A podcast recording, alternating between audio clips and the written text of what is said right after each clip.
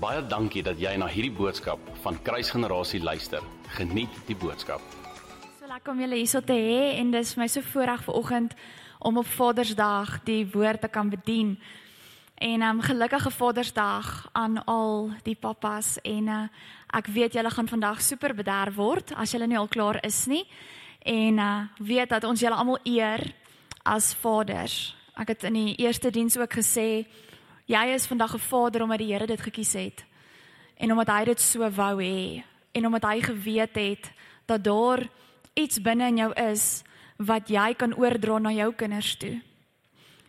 Mense praat altyd van 'n legacy wat hulle wil agterlaat, 'n nalatenskap. En ek is so oortuig daarvan dat daai nalatenskap absoluut is as gevolg van die genade wat die Here oor ons elkeen stort dat ons dit kan agterlaat vir ons kinders. So mag julle vandag geëer wees in hierdie plek en so ook in jou eie huisgesin.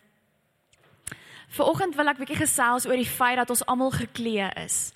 Nou, ons is fisies geklee en ek as julle so koud kry soos ek vanoggend dan wens julle het nog 'n baadjie gehad. Maar ons het la en la en la klere aan en um, om juis ons warmer te maak. Nou in die gees is ons ook geklee. En um, ek wil vanoggend 'n bietjie praat oor waarmee ons in die gees geklee is. Nou ek weet nie of julle al gesien het nie, maar jy kan mense in hulle beroepe uitken na aanleiding van wat hulle aan het. As ek dink aan 'n chef byvoorbeeld, ek sal weet dis 'n chef want hy dra 'n wit chef baadjie met 'n chefhoed. Um as jy dokter toe gaan, dalk nie by jou by jou GP nie, maar as jy in die hospitaal instap en 'n dokter kom besoek jou, dan sal hy of sy 'n wit oorkleed aan hê. 'n wit baadjie aan hê of 'n lab coat aan hê. En dit sal vir my sê dat dit 'n dokter is. 'n Verpleegster het sekere uniform of klere aan. Die mense in die weermag, die polisie, um selfs enige terapeut het verskillende uniforms aan en dit spreek van hulle beroepe. Dit spreek van die verantwoordelikheid wat ook dan op hulle rus. En net so het elkeen van ons 'n figuurlike mantel of 'n figuurlike kleed aan. En pa, jy het vandag ook 'n kleed aan en dit is die kleed van vaderskap. Jy het 'n kleed waarmee die Here jou kom bedek het. 'n Seëning, as jy dit wil noem, wat hy vir jou kom gee het in die vorm van kinders en dra jy daardie mantel. En um moet jy vandag weet dat daardie mantel kom met verantwoordelikheid. Dit kom met sekere verwagtinge van God se kant af waarin jy moet vol staan en wat jy moet verrig. In die koninkryk van God is ons almal geklee en het daardie klere drag ook groot betekenis.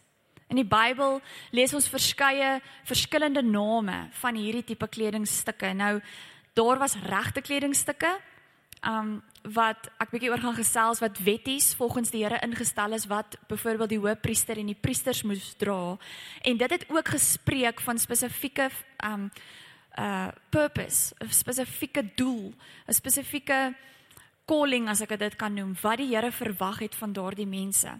En die woorde wat ons in die Bybel van sal raak lees in die Engels byvoorbeeld sal wees garments, cloaks, coats, mantles, robes, tunics, efforts en die lys gaan aan. Daar's verskillende name, maar basies het alles dieselfde gelyk of beteken. Nou na die sondeval, na Adam en Eva se verkeerde keuse, wil ek amper sê het klere die verskyning gemaak in die woord van God. En sien ons in die skrif dat God sekere wette neergelê het in verband met klere draag. En een van hierdie wette, soos ek nou gesê het, was juis vir die hoëpriesters en vir die priesters wat gedien het in die tempel van die Here en was tog van hulle verwag om sekere mantels of kledingstukke te dra wanneer hulle voor of in die teenwoordigheid van God ingegaan het. Ons het nou al 'n paar weke gehoor dat ons konings en priesters is. En net uit dit self sê dit vir my dat ons elkeen dan juis geklee is en ons moet weet waarmee ons geklee is. Sien die hoofpriester en die priesters moes geweet het presies wat God wou hê hulle moes aan hê voordat hulle hulle diens of hulle plig kon nakom. Hulle kon nie wonder nie, hulle kon nie nie weet nie. En dis dieselfde met ons. Ons kan nie vandag nie weet waarmee die Here ons beklee het en waarmee ons onsself moet klee nie. Dis baie belangrik. Nou, ek gaan nou nie hierdie hele lang stuk lees nie, maar in Eksodus 28 vers 1 tot 43 is waar die Here dan die wette neergelê het vir die hoofpriester en vir die priesters presies van wat hulle moes dra. Nou daar was vir die hoofpriester 8 priestly garments wat hy moes aantrek voordat hy in die allerheiligste ingegaan het om om versoening vir die volk by die Here te kry. Die ander priesters het net 4 kledingstukke gedra. En hierdie kledingstukke het verskillende dit was soos 'n onderkleed met nog 'n bokleed boor met 'n borsharnas wat hulle moes aantrek, met 'n 'n tulband wat hulle op hulle koppe moes sit ensovoorts. En al hierdie goeders was belangrik en dit het gespreek van hulle afsonderingswerk tot God. Hulle was afgesonder om spesifieke taak te verrig vir die Here en in sy koninkryk of in sy dienswerk. Ek wil sommer net 'n paar van hierdie goedjies wat hulle aangegaat het vir julle noem in die tradisionele Joodse kultuur, die kledingstukke wat jy ook in die Bybel van sal raak lees. So hulle het 'n onderkleed aangegaat. Ek sien dit soos amper soos 'n onderrok. Met vrouens dra dalk vandag nog onderrokke, maar mans het dit ook gedra. Onthou, 'n vrou was nie 'n hoëpriester nie. 'n Vrou was nie 'n priester in die tempel nie, dit was die mans. En die mans het hierdie onderkleed gedra of hulle noem dit in die Bybel 'n ezor. Ezor was soos 'n voorskoot wat almal gedra het en dieselfde ding was net iets anders genoem vir 'n priester en dit was 'n efod of 'n ephod in Engels ephod deur die priesters gedra. En dan het ons dit al baie keer raak gelees byvoorbeeld ek dink aan aan um, koning Dawid. In 'n tyd wat hy in sak en as was het hy letterlik in die Bybel in die Engelse Bybel staan sackcloth. Dat dit is wat hy gedra het. En dit was ook soos 'n kleed wat hy aangetrek het wanneer hulle in 'n tyd van rou was. Dan ander gebruike of ander woordjies in die woord is soos 'n tunic of 'n garment. Dit was 'n kleed wat almal gedra het wat letterlik van hulle skouers tot by hulle knieë was. So dit was soos 'n kort rokkie, soos 'n mini rokkie tipe ding wat hulle aangetree het. En dan was daar 'n simla of 'n mahil wat 'n cloak of 'n cape of 'n robe was en dit het gehang langer tot op die grond. En as jy nou vandag dink aan superheroes, 'n cloak maak net letterlik om jou nek vas en dan sit hierdie lang stuk lap wat afhang. So dis die prentjie wat jy half in jou kop kan kry oor dit. En dan die mans wat byvoorbeeld in die sinagoges gebid het, het nou nog 'n talit aangetree. So dit is soos 'n 'n prayer shawl wat hulle ook gedra het en 'n kittel. 'n Kittel was soos 'n oorjas wat nog bo oor al hierdie goed aangegaan het, aangekom opgekom aangekom het. En dan daai borsharnas en al daai goed wat die hoofpriester ook gedra het. En alles het betekenis gehad. Ek dink dis so belangrik om te weet die Here sê nie jy moet iets dra of iets doen of iets neerlê of iets optel sommer net nie. Alles het 'n rede en alles het betekenis en selfs in daardie tyd. Nou, dankie tog. Ek dink die manne kan sê dankie tog. Jy hoef nie vandag al daai honderde lappe en leiers boor mekaar aan te hê nie en letterlik met dit rond te beweeg nie. Maar in die gees dra jy kledingstukke. Nie net een nie, 'n hele paar. Ons almal, ons almal doen, nie net die mans nie. So hierdie kledingstukke van die priesters het ek gesê het hulle afsondering werk of hulle afsondering tot God beteken. En ons as konings en priesters dra ook sekere kledingstukke. Nou wanneer die Bybel praat, die volgende verse of die volgende gebeurtenisse wat ek met julle wil deel, dan praat die Bybel metafories en ek wil dit ook metafories aan julle voorlê en dan die vergelyking deurtrek in die gees. So as ons kyk na die Ou Testament, gaan Ou Testamentiese skrif en Nuwe Testament skrif gebruik, maar praat jou kledingstuk of die kledingstukke eintlik eenvoudig net van jou stand voor God, jou geregtigheid. En ek wil net dit sê, die oomblik toe jy tot wedergebore geboorte gekom het en jou lewe vir Jesus gegee het, het hy jou kom beklee met geregtigheid. Die Bybel sê jy is nou die geregtigheid van God. Dit is 'n kledingstuk wat elkeen van ons aan het as ons 'n kind van die Here is. Met ander woorde, ons stand voor die Vader is herstel as gevolg van wat Jesus Christus op die kruis gedoen het. Toe ons Jesus nie geken het nie, was ons stand voor die Here as sondaar, as vuil, as ek wil amper sê eenkant gestoot, nie aanvaarbaar nie. Maar as gevolg van die bloed van Jesus het hy ons kom inkoop en kom deel maak van die koninklike familie En is ons nou die geregtigheid? En nou kan ons waardig voor die Here staan want wanneer hy na ons kyk, sien hy nie ons en ons foute nie. Hy sien Jesus wat binne in ons leef. As ons kyk na die verhaal van Adam en Eva, dan was daar 'n tyd wat hulle twee 'n fout gemaak het en as gevolg van daardie fout het hulle oë oop gegaan en het hulle gesien hulle is naak. En die oomblik toe hulle dit sien, toe gaan kruip hulle weg. En die Bybel sê hulle het die stem van die Here hoor wandel in die tuin en toe vinnig vir hulle klere gemaak uit vye blare. Nou Jan het al baie keer gesê hoe hy nogal dink hoe ongemaklik dit kon wees daardie vye blare. Maar hulle het 'n plan probeer maak om hulle self te bedek of hulle naaktheid te bedek. En doen ek en jy dit nie maar ook gereeld nie. Wanneer ons iets verkeerd gedoen het, dan wil ons dit self regmaak. Ons wil uit ons eie probeer om die probleem op te los. En eintlik is dit 'n probleem vir die Here, as ek dit met baie respek mag sê. Eintlik is dit iets wat die Here kan kom oplos en moet kom oplos en kom regmaak. In Genesis 3 vers 21 lees ons waar God die eerste dier geslag het of geoffer het of die bloed laat vloei het van 'n dier sodat hy sy vel kon vat om vir Adam en Eva kledingstukke te maak. En God het hulle kom beklee. En dit is super belangrik. Dit is belangrik om te weet dat ons onsself nie moet beklee met dit waarmee God ons eintlik moet beklee nie. Ons kan nie God speel nie. Ons kan nie God wees in ons eie lewe nie. Daar is sekere dinge wat ons moet doen. Gaan nou nou daarby kom wat, wat is ons verantwoordelikheid? Maar dit is die Here se verantwoordelikheid om ons ook te kom beklee.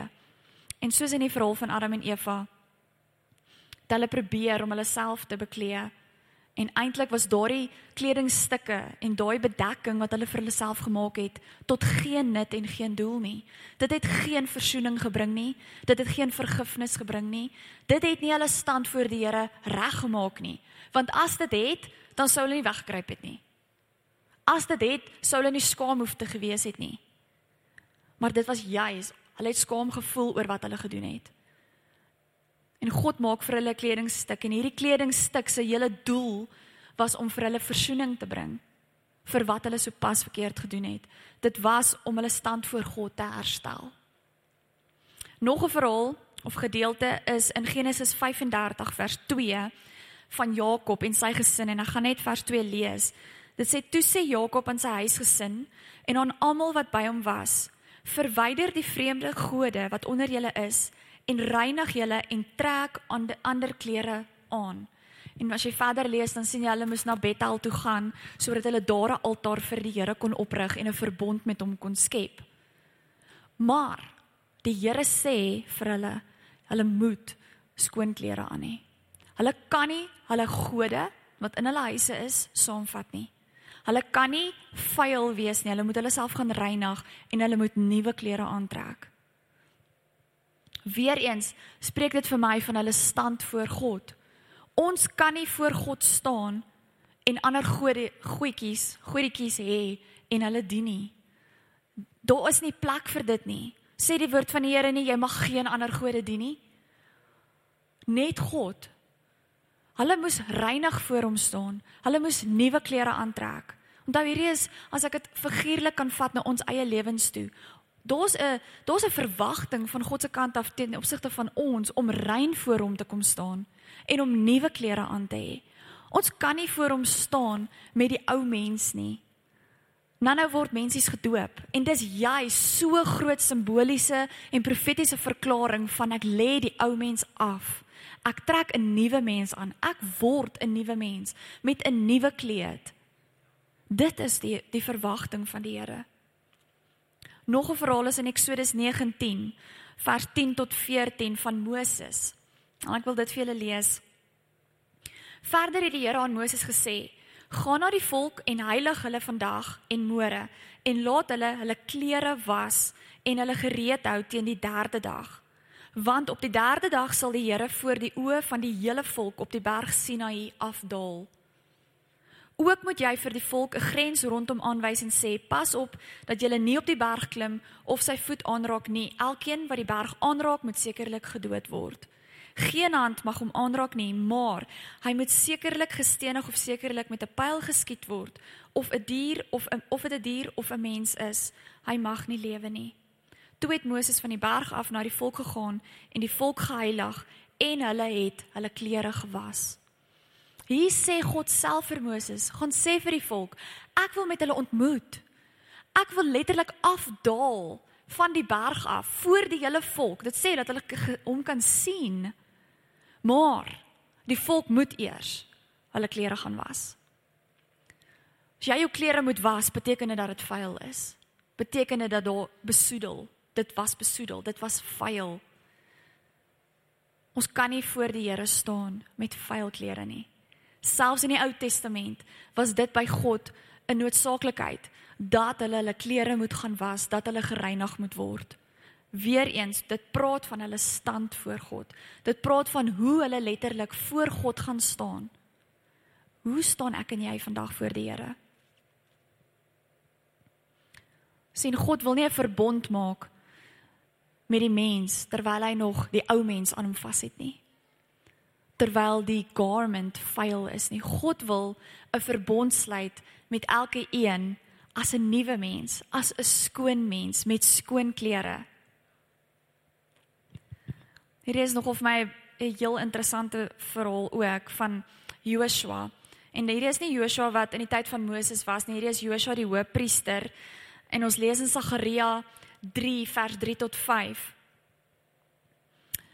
Joshua staan voor die engel van die Here en Satan is ook daar. Is amper 'n tipe geval soos met Job. En die duiwel is besig om hom aan te kla van iets wat verkeerd is. En hoor wat doen die Here? En Joshua was bekleed met vuil klere terwyl hy voor die engel staan. Daarop het hy, dis nou die engel, aangehef en gesê: "Neem die vuil klere van hom weg." Toe sê hy vir hom: "Kyk, ek het jou skuld van jou weggeneem en ek beklee jou met feesklere.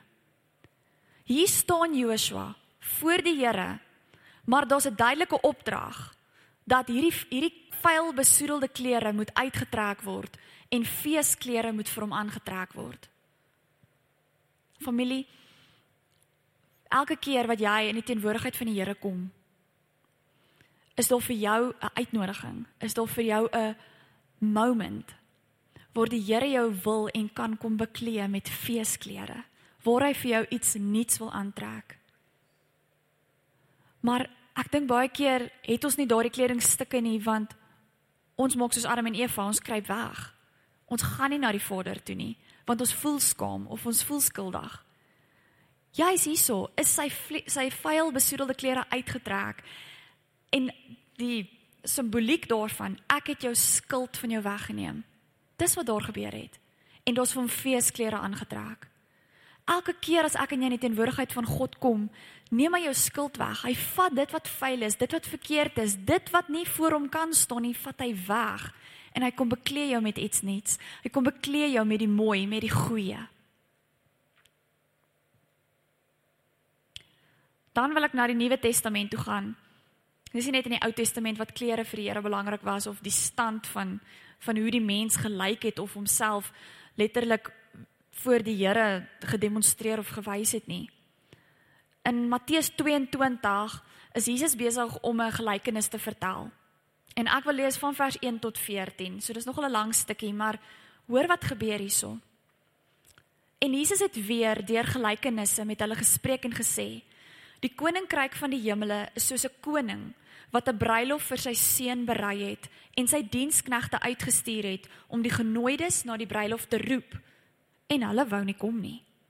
Weer het hy ander diensknegte uitgestuur met die boodskap: Sê vir die genooides, kyk, my maaltyd het ek berei en my beeste en vetgemaakte vee is geslag en alles is gereed. Kom na die bruilof. Maar hulle het hulle daaraan nie gesteer nie en weggegaan een na sy eie stuk land en die ander na sy handelssaak. En die ooriges het die diensknegte gegryp en mishandel en doodgemaak. En toe die koning dit hoor, het hy kwaad geword en sy manskappe gestuur en daardie moordenaars omgebring en hulle stad aan die brand gesteek. Daarop sê hy vir sy diensknegte: Die bruilof is wel gereed, maar die genooides was dit nie werd nie. Gaan dan op al die kruispaaie en nooi almal wat jy mag vind na die bruilof. En daardie diensknegte het uitgegaan en die paaie op die paaie en almal versamel wat hulle gevind het. Slegte sowel as die goeies en die bruilofsaal het vol gaste gesit. En toe die koning ingaan om na die gaste te kyk, sien hy daar iemand wat nie 'n bruilofskleed aan het nie. En hy sê vir hom: "Vriend, hoe het jy hier ingekom sonder 'n bruilofskleed aan?" En en hy kon geen antwoord gee nie. Kon geen woord sê nie. Toe sê die koning vir sy dienaars: "Bind sy hande en voete, neem hom weg en werp hom in die buitenste duisternis. Daar sal geween wees en geknars van die tande, want baie is geroep, maar min is uitverkies." Toe ek hierdie verhaal lees, toe toe voel dit half my in 'n mate bietjie onregverdig. Want die koning het mense genooi na hierdie bruilof van sy seun toe. Maar daardie mense wou nie kom nie. Toe besluit die koning, oké, okay, maar hier moet iemand by hierdie by hierdie troue wees. En hy sê vir sy diensknegte, gaan uit, nooi enige iemand, die slegtes en die goeies. Nou wat dink julle, wat was die koning se verwagting? Wat het hy gedink gaan hy kry as hy die slegtes ook nooi? Wat het hy gedink gaan hy kry? Mense wat net die regte klere aan het, mense wat net al die geld het, mense wat in daardie tyd skaflik gelyk het? Nee. Dit kon nie sy verwagting wees nie. As hy die slegtes en die goeies daar wou hê. Maar in dit sien ek net weer eens 'n uitnodiging. As ons dit kan deurtrek vandag na Jesus, na die feit dat daar is 'n bruilof wat wag. Ons is die bruid. Jesus is die bruidegom. Daar is 'n uitnodiging vir elkeen van ons om deel te wees van daardie fees. Maar waarmee is ons geklee? Is ons soos hierdie man daar maar met die verkeerde kleed geklee? sien Daardie ou het definitief uitgestaan omdat hy die verkeerde klere aangetree het. Die koning het hom dadelik raak gesien en dis hoekom die koning met hom gepraat het daaroor. Ek en jy moet seker maak dat ons die regte kledingstuk aan het vir die koning. vir die fees, vir die bruilof waarna toe ons ook genooi is, wat ons ook gaan deel hê aan. Sien feesklere of 'n bruilofskleed was nodig om deel te kon wees of aanvaar te kon word by hierdie bruilof. Met ander woorde, 'n regte stand of geregtigheid was nodig. En dis dieselfde met ons. Ons het 'n regstand of reg reggeregtigheid nodig om voor die koning te kan staan in sy teenwoordigheid. sien dit is dis Jesus se geregtigheid bo oor ons wat ons toegang en toelaat in sy teenwoordigheid. Sonder daardie geregtigheid kan ons nie voor die Here staan nie. Hoe lyk jou stand voor die Here? In Jesaja 61 vers 10 is dit so mooi presies wat Jesus, wat God vir ons gegee het en ek wil dit in die Engelse vertaling lees. Dit sê for he has clothed me with garments of salvation He has covered me with the robe of righteousness. Sien ek en jy dra klaar twee kledingstukke. Die oomblik toe ons in die koninkryk van die Here inkom, met ander woorde toe jy tot wedergeboorte kom en jou lewe vir die Here gee, toe jy kind van God word, toe het hy elkeen van ons beklee met 'n kleed van redding, a garment of salvation. En hy het ons ook bedek. He covered us with a robe of righteousness, geregtigheid. Daardie twee kledingstukke het die Here klaar vir ons gegee. Elkeen van ons wat hom ken. En dit is so belangrik dat ons daardie kledingstukke moet oppas dat ons nie soos die verhale wat ek vir ons gelees het moet toelaat dat dit besoedel word nie. Die Bybel sê in Efesiërs 5:27 dat Jesus kom terug vir 'n vlekkelose bruid.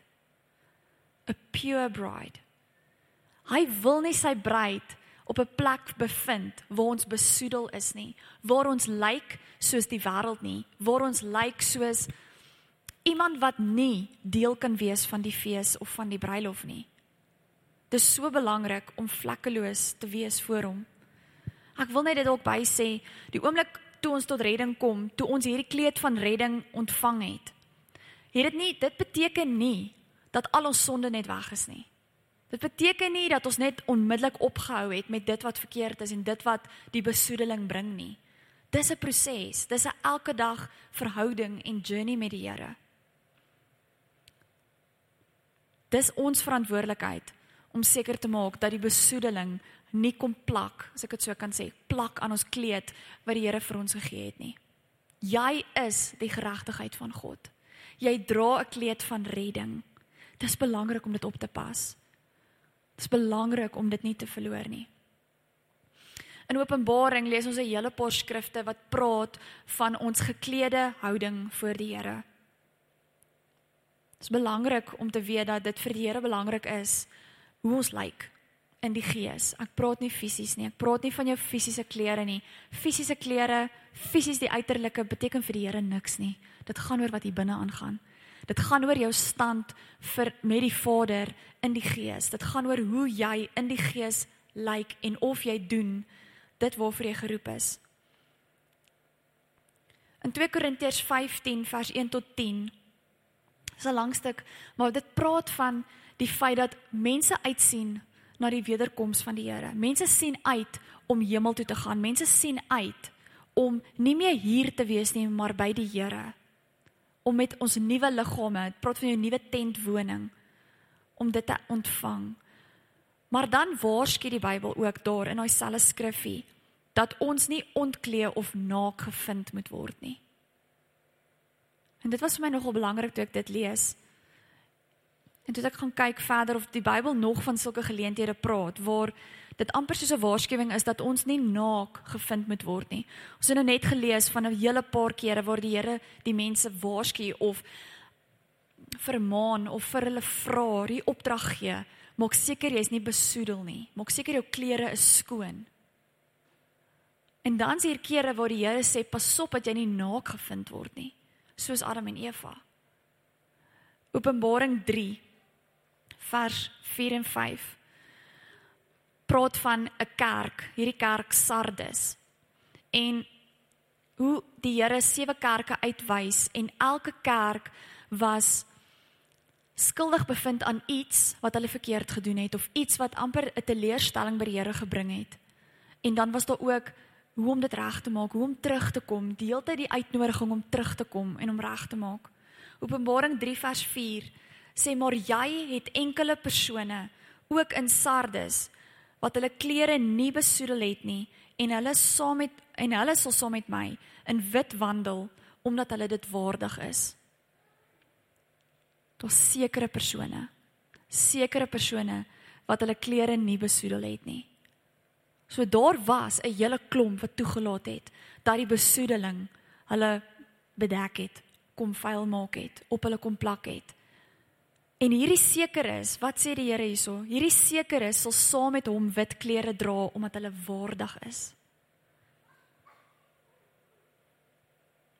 Dan net 'n paar versies aan vers 17 is waar die brief geskryf word aan die kerk van Laodicea. En, en in daardie kerk praat hy so vers 17 sê want jy sê ek is ryk.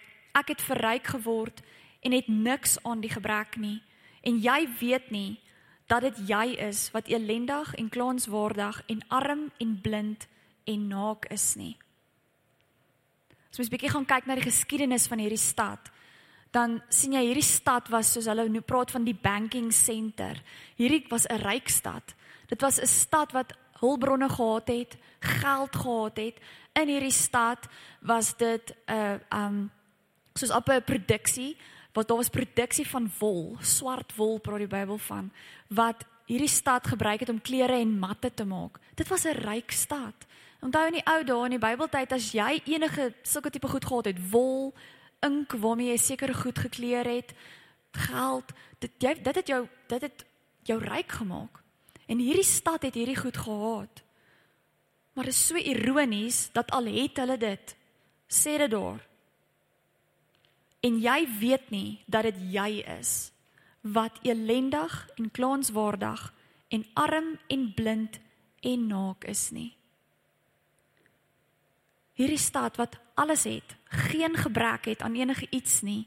Hierdie kerk word tog naak gevind.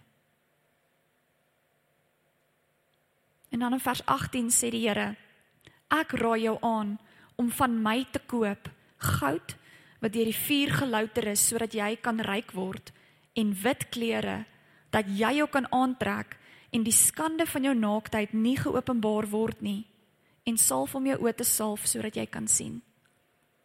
En dit was vir my amazing om te weet dat hier is jou fout. Hier is wat jy verkeerd doen. Maar die Here raai jou aan kom koop by hom. Kom koop by hom dit wat jy nodig het. Hulle het klere nodig gehad. Praat nie van fisiese klere nie. Praat metafories, figuurlik. Hulle het nodig gehad om hulle stand voor God te kom regstel, te kom regmaak want dit was nie reg nie. sien hulle harte was gerig op alles wat hulle gehad het en die feit dat hulle niks kort gekom het nie. Dis 'n plek van hoogmoed. Dis 'n plek van trots. En die Here sê kom koop by my dit wat jy nodig het. Jy het wit klere nodig. Jy het geregtigheid nodig. Jy het nodig om bekleed te word met God, met geregtigheid. Openbaring 16 vers 5 sê behold, I am coming as a thief. Blessed is he who watches and keeps his garments lest he walk naked and they see his shame. In die Passion Translation sê daai skrifgie behold, I come like a thief. God's blessing is with the one who remains awake and fully clothed in me and will not and he will not walk about naked exposed to disgrace. Geseend is die een wat sy mantel, sy kledingstuk in die gees oppas, wat nie naak gevind word nie. Familie, wat sê ek vanoggend vir jou? Ek sien twee goed raak wat die Here ons teen waarsku vanoggend waar wanneer dit kom by jou kledingstuk, dit wat jy aan het in die gees. Die eerste ding is pasop dat jou kledingstukke nie besoedel word nie. Pasop dat die dinge van die wêreld nie dit kom besoedel nie, nie aan dit kom plak nie. En die tweede ding, pasop dat jy nie op 'n plek gevind word waar jy naak staan voor die Here nie. Met ander woorde, waar jy jou geregtigheid verloor het nie, waar jy Jesus heeltemal uit die prentjie uitgeskuif het nie. Daar is daar's waarskuwing teen dit. Jesus kom soos 'n dief in die nag. Ons weet nie wanneer hy kom nie. Dis ons verantwoordelikheid om seker te maak dat ons reg staan voor die Here, dat ons voorbereid is, dat jy weet wanneer hy kom, jy's reg. Jy kan voor hom staan en jy weet, maar weet jy is 'n kind van God. Jy is die geregtigheid van God. Jy dra die kleed van redding en geregtigheid.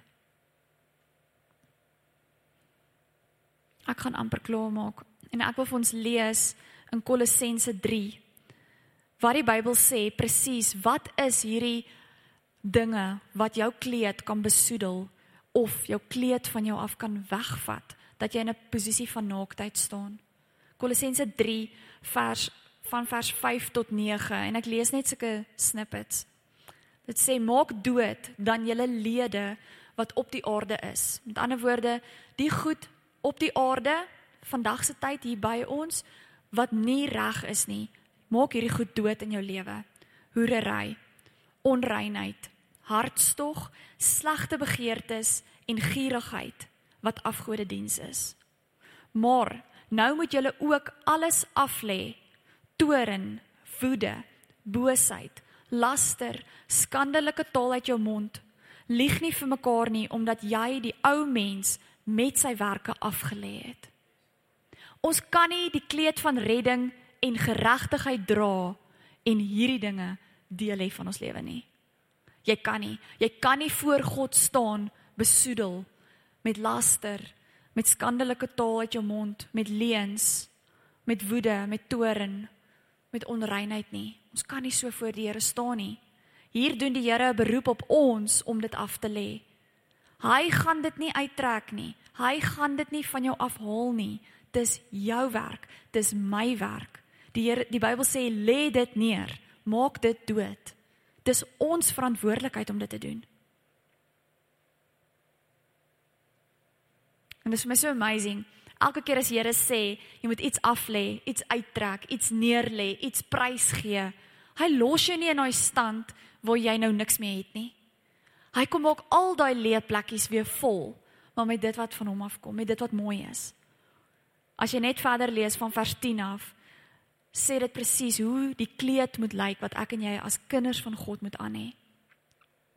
Sê en julle jul met 'n nuwe mens bekleed het wat vernuwe word tot kennis na die beeld van sy Skepper. So jou nuwe kleed, jou nuwe mens gee tot vir jou kennis van die Skepper, van wat sy wil is vir jou, van wat hy vir jou wil hê, van wat hy oor jou sê. Vers 12: Beklee jou dan. So jy trek dit self aan. Die Here het klaar vir jou twee kledingstukke gegee. Maar hierdie is wat jy self moet aantrek. Beklee jou dan as uitverkorene van God, heilige en geliefde met innerlike ontferming, met goedertierenheid, met nederigheid, met sagmoedigheid, lankmoedigheid. Verdra mekaar. Met ander woorde, hê geduld, trek geduld aan. Vergewe mekaar as die een teen die ander klag het. Beklee jou bo dit alles met die liefde wat die band van volmaaktheid is. En laat die vrede van God waartoe julle ook in een liggaam geroep is, in jou hart heers en wees dankbaar. Hier is waarmee 'n kind van God bekleed moet wees. Lankmoedigheid, sagmoedigheid, goedertierenheid, nederigheid, geduld in dit alles binne liefde, binne vrede en binne dankbaarheid. Familie, dit kan dalk vir jou voel vanoggend. OK, ek het 'n kleed en nou is my kleed besoedel. Want kom ons wees eerlik, dis moeilik, dis moeilik in die wêreld. Dis moeilik daar buite om die heeltyd positief te bly, die heeltyd skoon te bly, die heeltyd reg te leef. Dis moeilik. Daar gebeur goed om ons elke liewe dag. Eksterne faktore wat ons wil kom potjie. Daar is dinge wat moeilik is om voor nee te sê. Wat maak ons as ons besoedel is? Wat maak jy as jou kleed vuil is? Of wat maak jy as jy jou kleed al lankal uitgetrek het en weggegee het? Jesaja 61 vers 3 sê: To give them beauty for ashes, the oil of joy for mourning, the garment of praise for the spirit of heaviness, that they may be called trees of righteousness, the planting of the Lord, that he may be glorified. Hierdie is 'n profetiese woord wat Jesaja het dit geskryf en in die Nuwe Testament het Jesus dit self ook voorgeles in die sinagoge van homself. Profetiese woord van wie hy is en wat hy kom doen. En hy wil 'n ruiltransaksie met ons aangaan. Hy is bereid om jou as te vat en vir jou skoonheid te gee. Hy's bereid om jou hartseer, jou mourning Hy's bereid om jou pyn te vat en vir jou joy te gee. En hy's bereid om jou spirit of heaviness, daai daai swaarheid, te neergedruktheid, depressie, daai wat jou laat voel jy kan nie, jy weet nie hoe nie, jy het nie krag nie. Hy wil dit alles vat en hy wil vir jou 'n nuwe garment kom gee, 'n garment of praise. Die Here doen dit nie net nie. Baie keer dink ek verwag ons die Here moet net alles uit die lug uit oor ons laat neerdal. Alles uit die lug uit of op ons afgooi. Die Here doen dit nie. Ons het 'n verantwoordelikheid. Ons het nodig to, om na daai daai uitnodiging wat daar is, ons het nodig om te kom.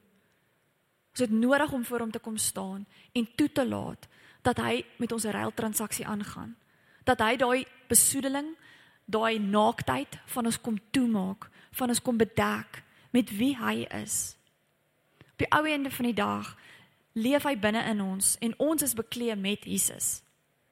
Dit is die mooi, dis die dis die mooi van dit alles. Ons verdien dit nie. Julle ons verdien dit nie. Maar hy gee homself vir ons. En hy wil hê ons moet deel maak, deel uitmaak van wie hy is. Beskerm jou kledingstukke, beskerm jou redding. Dis 'n kleed wat jy aan het. Beskerm dit. Beskerm jou geregtigheid, jou stand voor die Here. Maak seker dat jy tyd met hom spandeer. Maak seker dat jy werk aan jou verhouding met die Here. Dit is jou stand. Moenie vir een oomblik toelaat dat die wêreld dit kom besoedel en dit kom vuil maak nie. Beskerm dit. Kom ek bid vir julle.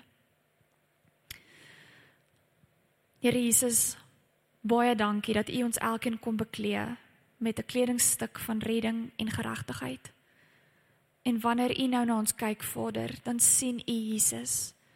U sien die geregtigheid van God. Of ons dit nou waardig is of nie, Here, as gevolg van die prys wat U betaal het, is ons waardig omdat U binne in ons leef. Dis eintlik U wat waardig is wat ons waardig maak. Here baie dankie dat ons net kan verklaar hoe nodig ons U het. Ons is so afhanklik van U leiding, Heilige Gees. Ons kan nie al hierdie goed op ons eie neer lê nie. Ons kan dit nie alles af lê nie, Here. Dit is soms moeilik. Maar dankie dat U ons help, Heilige Gees. Mag ons konstant leef in die bewustheid van wat vir U aanneemlik is en wat nie. Help ons om reg te kies, Here. Om reg te kies om die regte goed aan te trek en die regte goed af te lê, sodat ons altyd op 'n punt sal wees, Here, waar ons ons regstand, ons stand voor God hoor ag as enigiets anders. Ons wil 'n vlekkelose bruid wees. Ons wil voor U staan pure sodat U kan terugkom Jesus. Sodat ons in 'n bruilof kan wees saam met U. Dis ons hartsbegeerte om ons bruidegom te ontmoet en te weet ons staan voor U waardig en aanvaarbaar. In die naam van Jesus. Amen. Dankie dat jy na hierdie podcast geluister het. Indien jy die boodskap geniet het, deel hom asseblief met jou vriende.